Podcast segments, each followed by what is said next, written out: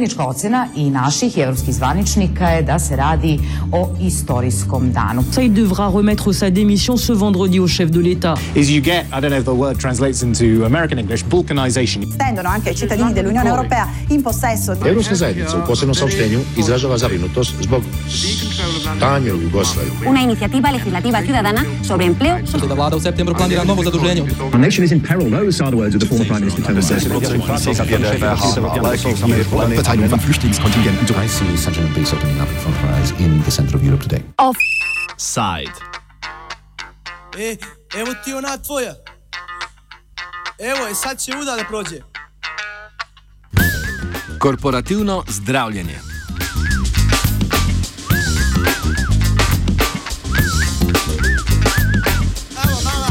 Val privatizacije v Črni gori ne pojenja. Kot naslednje so se v prodajni izložbi vlade premija Mila Đukanoviča znašle tamkajšnje bolnišnice. Na novinarski konferenci so tako predstavniki črnogorskih oblasti napovedali namero o sodelovanju s podjetjem Vitals Global Healthcare, ki je malteška podružnica singapurskega podjetja Bluestone Special Situations for Limited. Kompetence za delovanje na tem področju naj bi jim omogočalo sodelovanje s Partners Healthcare International iz Bostona, ki ima podobne pogodbe sklenjene z nekaterimi zdravstvenimi ustanovami v Združenih državah Amerike. Situacijo opiše Milena Popovič Samarđić, predsednica sindikata doktorjev medicine Črne Gore. Uh, tu je predložen taj neki koncept, kako su oni to nazvali, koncept reforme zdravstvenog sistema u Crnoj Gori koji bi sprovela kompanija VGH, jeli, uh, koja zapravo i nije sa Malte, jeli, nego je, nego je uh, osnovala firma, koliko smo mi shvatili, Singapura, malezijska firma.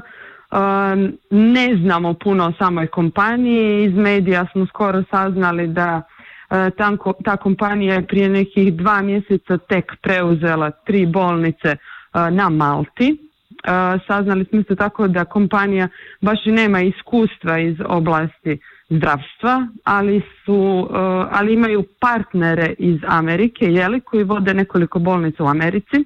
Dakle, ličnog iskustva nemaju. Radi se, otlanjaju se na posrednike. To je nešto što smo saznali iz medija Malte, sad nekih preciznih podataka od strane našeg ministarstva od strane nekih naših čelnih ljudi koji učestvovali u tom njihovom javnom predstavljanju mi nemamo. Saznajemo uglavnom sve na neki posredan način uh, kroz, kroz medije.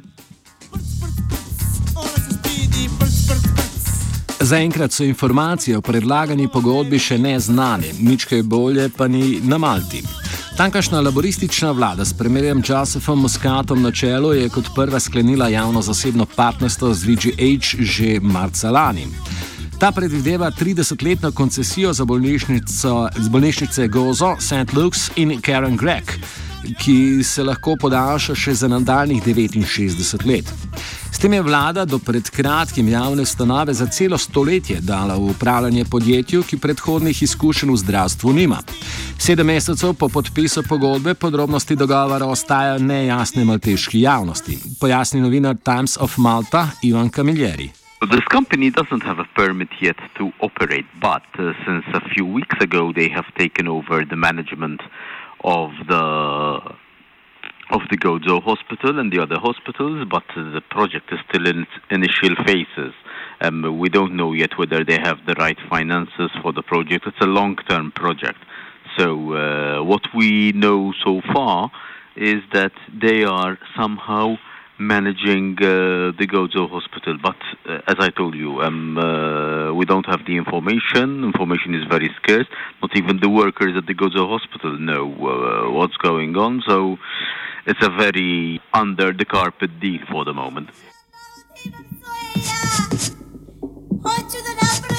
Pomankanje preglednosti je od podpisa kakršnih koli pogodb odvrnilo nekatere sindikate. Spet ostali so pristali na sodelovanje z VGH pod pogojem, da ne bo prišlo do sprememb delovnih razmerij. Pri sindikatu OHM ostajajo skeptični, kot pojasni njihov predstavnik Ian Mark Zament. Their contracts are still hidden from everybody, from, from uh, from the opposition, from the uh, unions, you know, the representatives of the different uh, professions and uh, and workers.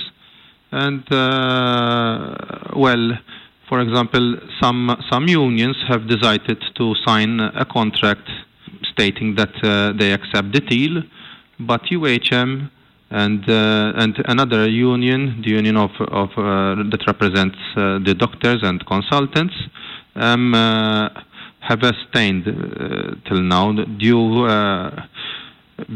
because we don't have the contracts. You know, we, we cannot sign anything without having the actual we have without having seen the actual contracts.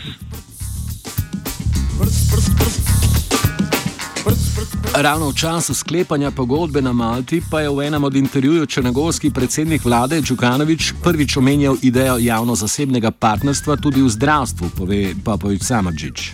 Mogu da vam kažem sljedeću stvar, da je još u martu mjesecu ove godine naš premijer u premijerskom satu dao izjavu da više se neće ulagati u to neko javno zdravstvo, da se u tome ne nalazi interes, nego da se nalazi interes u ulaganje koncepta javno-privatno partnerstvo. Oni prepoznaju da je koncept javno-privatnog partnerstva dobar koncept za Crnu Goru koji će da dovede do boljih rezultata zdravstvenog sistema. On je napravio tada tu neku prvu promociju, tu neku uvertiru, jeli, koja nije naišla na neki adekvatan odjek s obzirom na značaj teme, ali on je tu već najavio da će da se uvozi ovaj, javno-privatno partnerstvo. Mi smo reagovali kao sindikat na to, pozvali smo se na studiju Svjetske zdravstvene organizacije iz 2014. godine u kojoj se i pominje Crna Gora između ostalih zemalja Europe koja kaže da e, projekat javno-privatnog partnerstva nije dao očekivani rezultat, da nije doveo do smanjenja troškova ni poboljšanja kvalitete. Vladajoči v Podgorici so raje ignorirali opozorila sindikatov in razpisali mednarodni razpis, na katerem je med ostalimi ponudniki iz Kanade, Azerbejdžana in Turčije zmagala ravno malteška firma. Kako si to odločitev razlagajo pri sindikatih? smo mišljenja da vlada Crne Gore zapravo i nema neku čistu viziju na koji način treba da vodi zdravstveni sistem Crne Gore i onda se pribjegava toj nekoj strategiji uh, hajde da je iznajmimo, hajde da je prodamo, hajde da je privatizujemo. To je princip koji je vrlo popularan u Crnoj Gori kao što vidite, mislim ukoliko, ukoliko pratite ovaj, naše trendove ovdje. Uglavnom se pribjegava konceptu prodaje, privatizacije, a ishodi tih prodaja i privatizacija ovaj, budu prilično loši, da ne kažem pogubni po građane Crne Gore. Tako da sumnjamo u neku dobru namjeru, sumnjamo da imaju jasnu viziju, ono što se vidi iz njihovog načina vođenja je da konstantno lutaju, da nemaju jasan neki princip djelovanja, nemaju jasnu viziju na koji način treba voditi zdravstveni sistem i ovo je samo još jedno u nizu tih nekih njihovih ad hoc reakcija, eto tako, da to tako nazovem. Da ne kažem ono možda negdje i zadovoljavanje nekog ličnog interesa u pozadini. Napoved sodelovanja je še dodatno razjezila zaposlene v črnogorskem zdravstvu. Se je ta ista vlada le nekaj dni prej zavrnila zvišanje njihovih plač, ki so glede na plače v drugih sektorjih ena najnižjih v Evropi.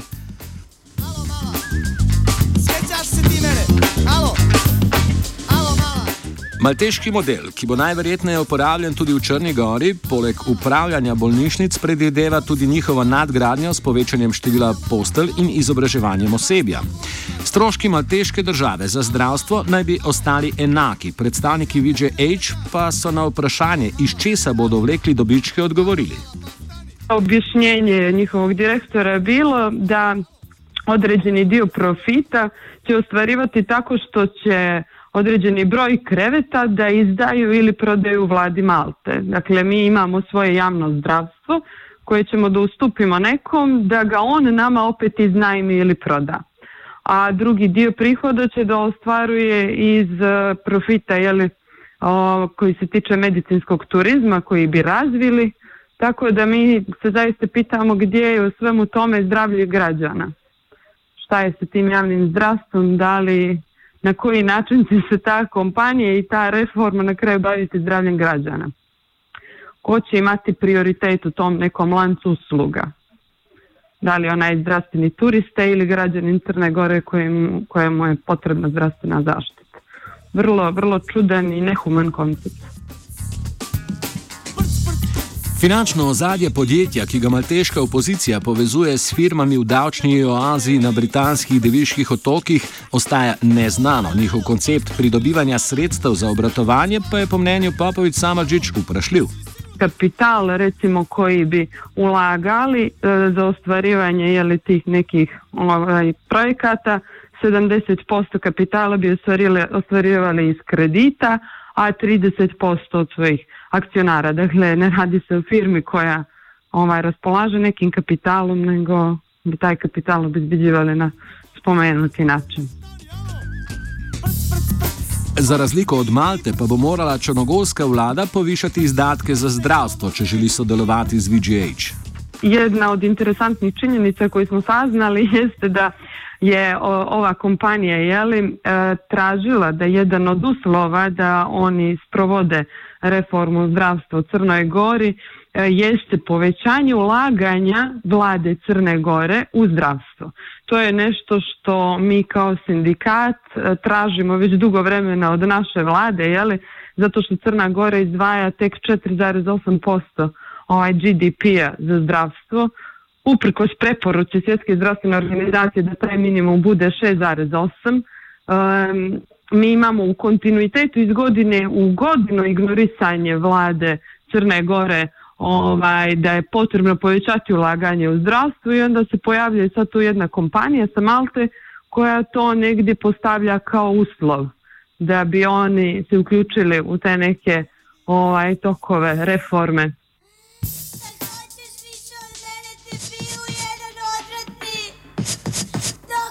Kritično podhranjeno črnogorsko zdravstvo, ki mu je vlada po mnenju sindikalistov za letošnje leto namenila skoraj trikrat premalo denarja, se tako nahaja pred novim izzivom.